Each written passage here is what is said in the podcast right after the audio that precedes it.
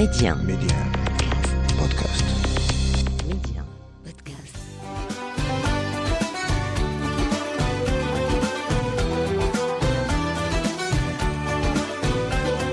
أهلا ومرحبا بكم في للا بلادي أرض الخير والخصب والبركة للا بلادي إذن موعد جديد سنتوقف فيه معكم مع مكامن الجمال والثقافة والتاريخ التي تزخر بها المملكة ميدي 1 أسماء بشري لالا بلادي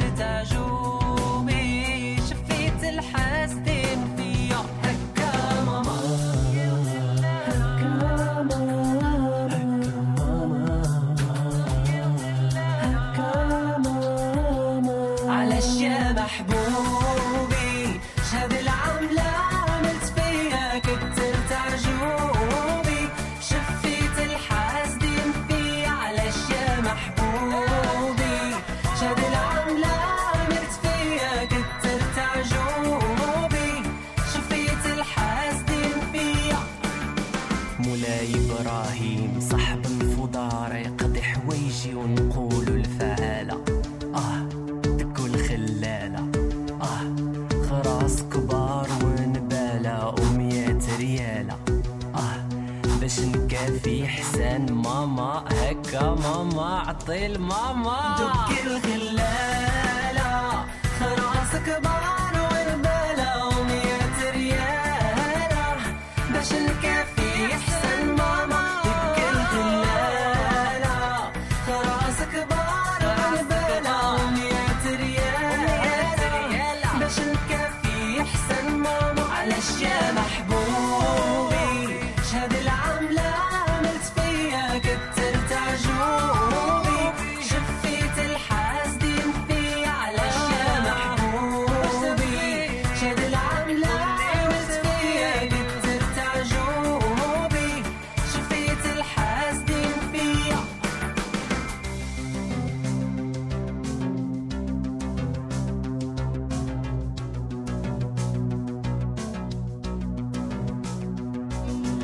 للا بلادي ستبحث معكم في خفايا التراث الشعبي المغربي والذاكرة الغنية بالقصص والأمثال والحكايا التراث المغربي الشعبي بكل ألوانه وأبعاده الحضارية وبصنفيه المكتوب والشفوي المتعدد الأصول الأمازيغية والإفريقية والصحراوية والأندلسية والعربية.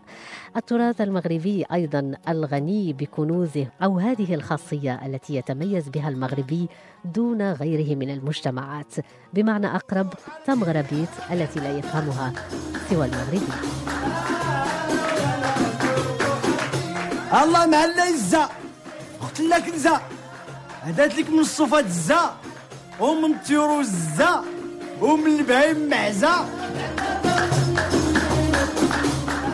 ولأن لكل مدينة بالمغرب قصة وتاريخ وحكاية وكل حكاية تختزن رموز كثيرة تؤكد دائما على هويتنا وتؤثر تاريخنا وتربط ماضينا بحاضرنا. ستكتشفون معنا في هذا الموعد قصصا وحكايا نسمع عنها الكثير لكن ربما لا يعرفها الجميع. وسيرافقنا في هذا الموعد بدير عزيز صانع محتوى مغربي ومهتم بكل ما هو تراث شفهي وشعبي مغربي. سلام الله عليكم يا السامعين. حكايتنا اليوم على مراكش وعلى سبعة رجال.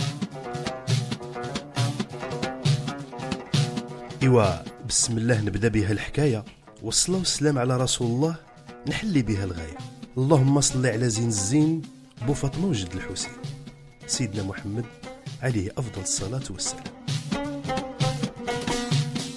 إيوا كيف ما ما كيخفى عليكم؟ اللي زار مراكش الباهية. وما زار سبعة رجال بحال اللي مشى للحمام وما عام. ولا قام رمضان وما صام. إيه سيدي مراكش بلاد البهجة والحكاية والفرجة. وبزيارة سبعة رجال تما كتبان الحجة. لا لا بلادي إذن اليوم من مكان لا مثيل له بطبع البهجة وروح النكتة مراكش أو المدينة الحمراء. كل تفاصيل هذه المدينة لها جاذبية خاصة. ساحاتها ومآثرها وأطباقها وطقوسها وأهلها وسكانها الذين عرفوا بروح النكتة حتى لقبوا ببهجاوة.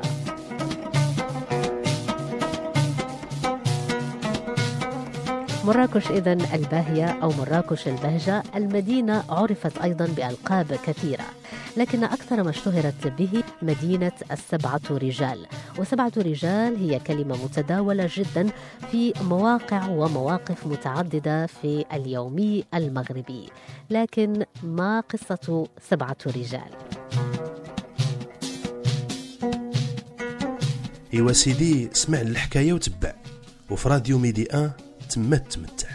كيقولوا ناس زمان وعلى حسب ما جا في بزاف ديال المراجع الناس بعثوا رجال القاسم المشترك بيناتهم هو الزهد ديالهم في الدنيا والسعي ديالهم للخير ولحفظ القرآن الكريم ونشر العلم والتعلم.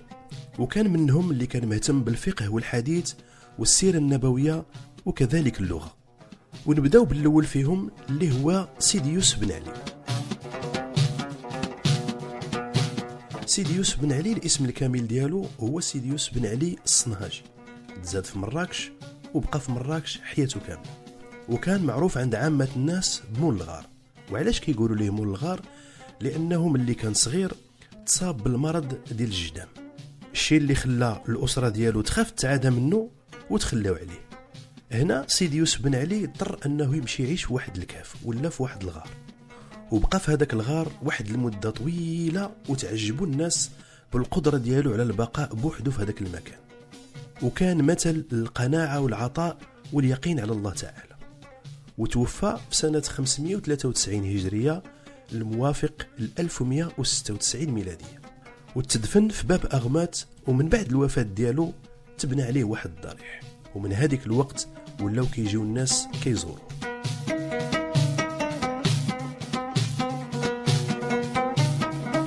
وتاني واحد من الرجالات ديال مراكش هو القاضي عياض. والاسم الكامل ديالو هو عياض ابن موسى اليحصبي. والأصل ديال القاضي عياض كان من مدينة سبتة. كان واحد من أشهر الفقهاء ديال المالكية وكان معروف عليه الامتثال ديالو للتعاليم الإسلامية والحب ديالو للنبي محمد عليه الصلاة والسلام. ولعل الكتاب ديالو المشهور الشفاء خير دليل على حبه النبي صلى الله عليه وسلم. وتوفى في مراكش عام 544 هجرية الموافق ل 1149 ميلادي.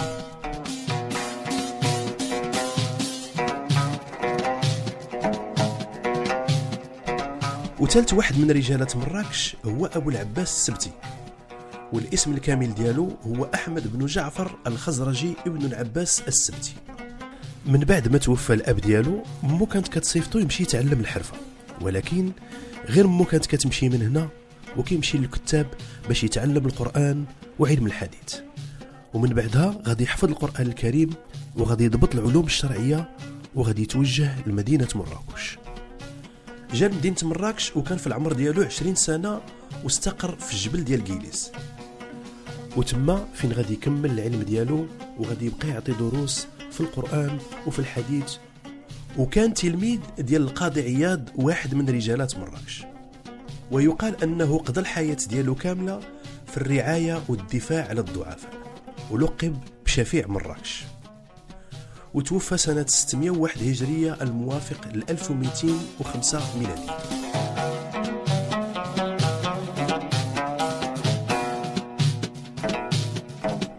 ورابع رجالة مراكش هو سيدي بن سليمان الجازولي والاسم الكامل ديالو هو محمد بن عبد الرحمن الجازولي من بعد ما بدا التعلم ديالو في جازولة في منطقة سوس غادي يصيفطوه الوالدين ديالو باش يتعلم علوم الدين في مدينة فاس. وتما تعلم على يد كبار العلماء. ومن بعدها غادي يرجع لمنطقة جازولة وغادي يأسس الطريقة الجازولية. سيدي بن سليمان الجازولي كان له الفضل الكبير في تجديد التصوف في المغرب وكان بارعا في الحديث. غادي يمشي يشارك في حرب التحرير ضد الطغاة اللي كانوا مع الوطاسيين. وتما عطوه السم وغادي يموت. وتوفى سنة 870 هجرية الموافق ل 1465 ميلادية. ومن بعد الوفاة ديالو غادي يدفنوه في الشياضمة. ومن بعد 20 سنة على الدفن ديالو. غادي يتهز الجثمان ديالو ويتدفن في مراكش إلى جانب رجالات مراكش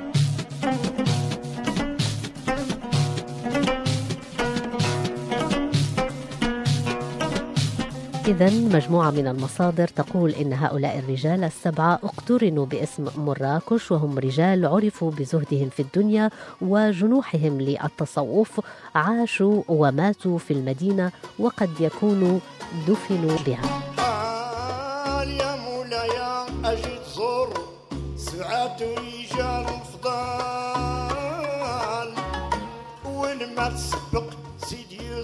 وخامس رجالة مراكش هو سيدي عبد العزيز التباع والاسم الكامل ديالو هو عبد العزيز التباع الحرار.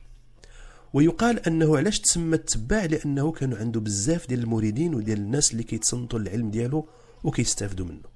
والناس ديال مراكش كيقولوا واحد المثال مول الطابع داوي المطابع والمطابع هما الناس اللي ما كيفهموش والناس البهلاء. وكان ما شاء الله كيتميز بواحد الميزة عن غيره وهي أنه أي إنسان جلس في المجلس ديالو كيخرج بالفائدة كان قاري ما قاريش فاهم ما فاهمش واعي ما واعيش ضروري يخرج بفائدة من المجلس ديالو. وتوفى سنة 914 هجرية الموافق ل 1508 ميلادية مول القصور من لنجا من الحطام تحرير.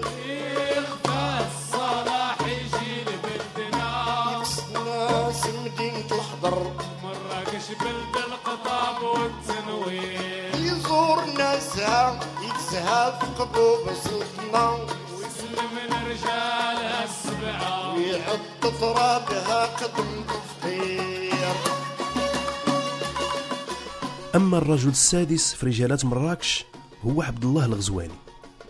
من بعد ما كمل التعليم ديالو غادي يمشي يتلمد على يد عبد العزيز التباع وكان من أهم الرجالات في العصر ديالو. وكان مقاوم مفكر ومحب للعلم والتعلم.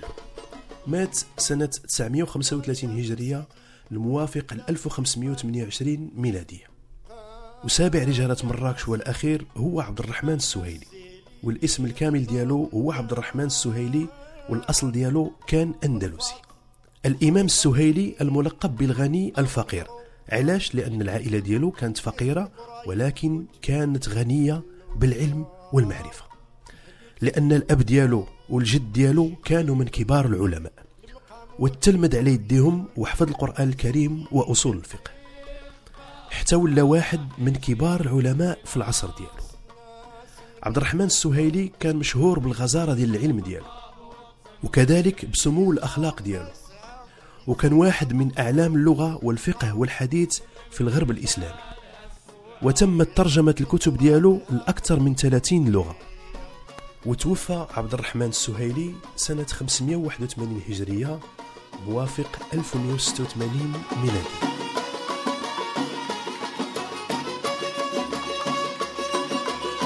إذا بحسب الروايات سبعة رجال هم سبعة من الفقهاء والقضاة والمتصوفة. توجد أضرحتهم بمراكش والقاسم المشترك بينهم هو سعيهم للعمل الصالح وللخير وحفظهم للقرآن وحرصهم على التأليف في الحديث والفقه والسيرة واللغة. والفرح المعلوم صايلة بالطبع المكروم. بين المثال بها نتقيط الجبار جميع من هنا بماليها كان له سباب الخير. إخفى الصلاح يجي لبلدنا. ناس مدينة الحضر مرة قشبل بالقطاب والتنوير. يزور ناسها يتزهى في قبوب سلطنة ويسلم الرجال السبعة ويعط ترابها قدم. وهكذا كنكونوا كملنا سبعة رجال ديال مراكش. وكنتمنى أن هاد النبذة الخفيفة الظريفة اللي قلنا على سبعة رجال تكون نفعتكم بشي حاجة. واللي بغى يعرف معلومات أكثر على سبعة رجال يشوف الكتاب المشهور ديال اونغي دو كاستير اللي معروف بسبعة رجال مراكش. إيوا أنا اليوم كملت كلامي. ونتلاقاو في فرصة جديدة إن شاء الله. خليتكم في راحة الله. والسلام عليكم. من لا شافها في ليالي رمضان المساجد عن كل الوان السياد يقراو القران بسر وجهار مني خود الخبار بعقول رايقة محسونة شرح العلوم والتفسير إخفى الصلاح يجي ناس مدينة الحضر قشبل بالقطاب والتنوير يزور ناسها يتزهى في قبوب سلطنة ويسلم الرجال السبعة ويعط ترابها قدم وكانت هذه إذا حكاية سبعة رجال من إعداد بدير عزيز وواحدة من حكايات لالا بلادي النابعة من تاريخ كبير وتراث غني غني بالموعظة والمعنى. التراث المغربي الذي ليس له حدود لكثرة ما جمع على أرضه من حضارات وثقافات. وهو دائما إن غنى طربت الطبيعة وإن حكى بطل الكلام. نوي بالسلامة ودخل ليها برضا طلب ماليها كل جمعة طوف عليها. بقلب وصيار طلب الغني القهار. جميع كل ما تتمنى تلقاه لا تكون غريب. إخفى الصلاح يجي لبلدنا الناس مدينة الحضر. قشبل بالقطاب والتنوير زور الناس عايزة في قبوب سلطنة يسلم الرجال السبعة ترابها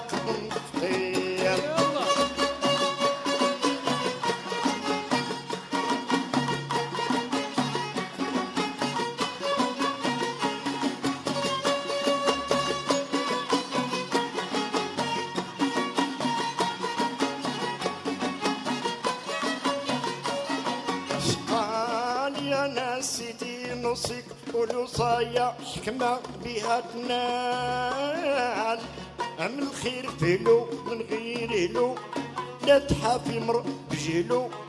لا غنى يدمعين فعلو. بغير تحضر قال تكيل عيار عبد الجليل بالبيج الحمراء ما خفى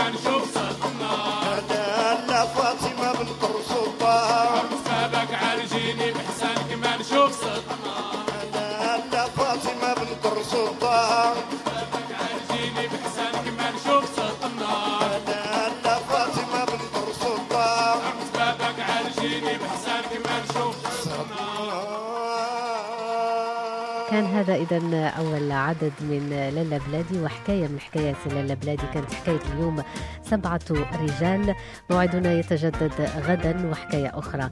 إلى اللقاء.